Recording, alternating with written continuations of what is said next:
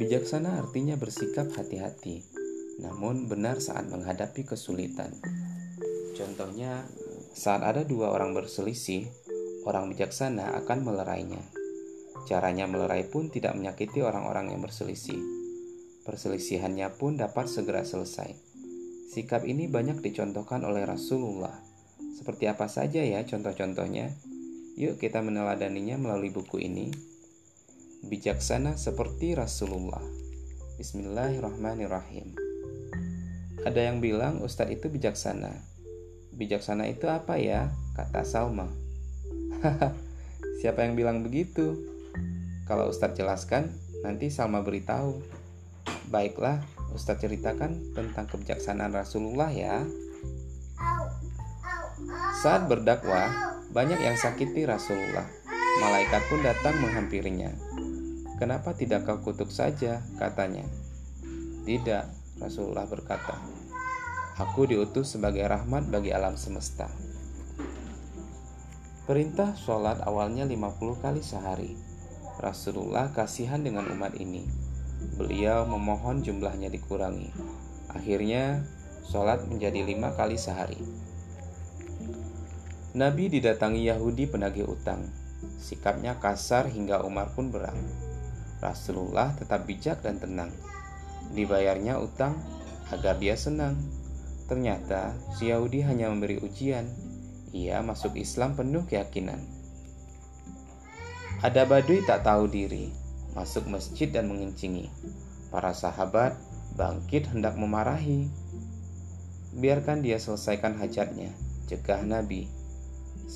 Setelah itu, beliau meminta bekasnya disirami. Seorang petugas zakat menghadap Rasulullah.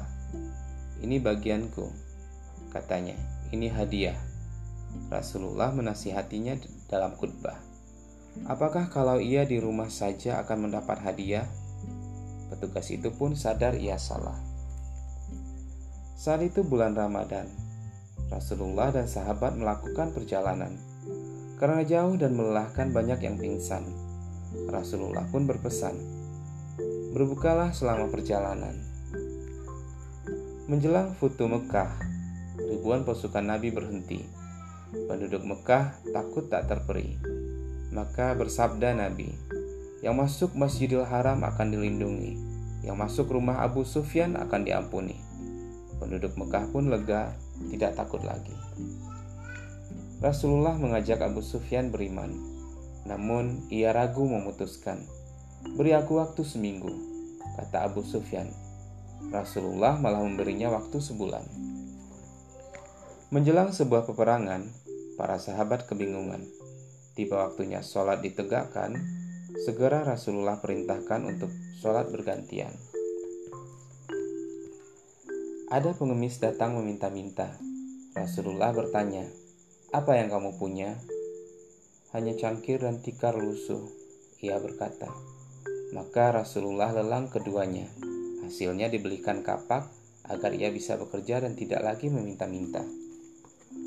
Alamin. Itulah kisah Rasulullah yang bijaksana.